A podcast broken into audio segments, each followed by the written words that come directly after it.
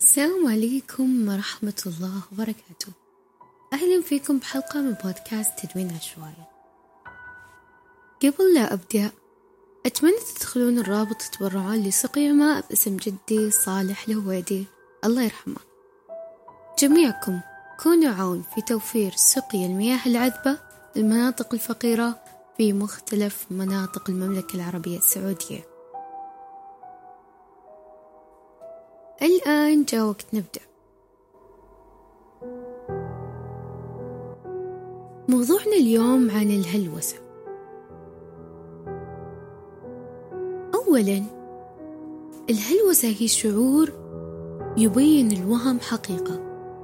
بس ما هو حقيقة. مجرد شيء من إنتاج العقل. بشكل علمي هي الإحساس في حالة اليقظة. تخيل معي. تخيل معي إنك تشوف شيء ما حد يشوفه غيرك. أو تلمس شيء ويختفي فجأة. أو تسمع شيء بس ما حد يسمع غيرك.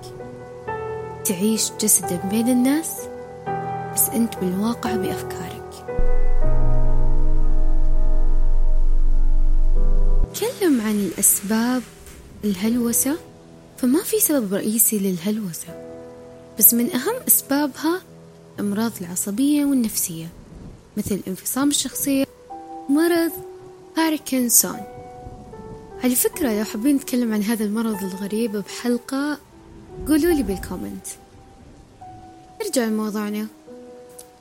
أو في مرض اسمه الشقيقة أعتقد أو الشقيقة ومتلازمة شارلت بوني وتعاطي المخدرات والكحول أو حتى ورم بالدماغ أسباب كثيرة أخرى.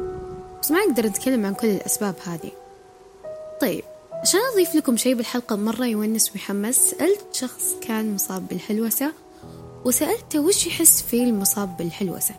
قدرت أكتب فقرة بسيطة عن إحساس مريض بالهلوسة مو ضروري يكون هذا الإحساس متواجد عند كل مريض بس هذا الإحساس اللي قدرت ألقاه أو أوصله من خلال كتابتي. فخلونا نبدأ. يحس إن الهلوسة كأنها شخص يركض وراك مرعب وموهم متكون من أفكارك الغير واقعية. يركض وراءك بطريق طويل وأسود ومخيف.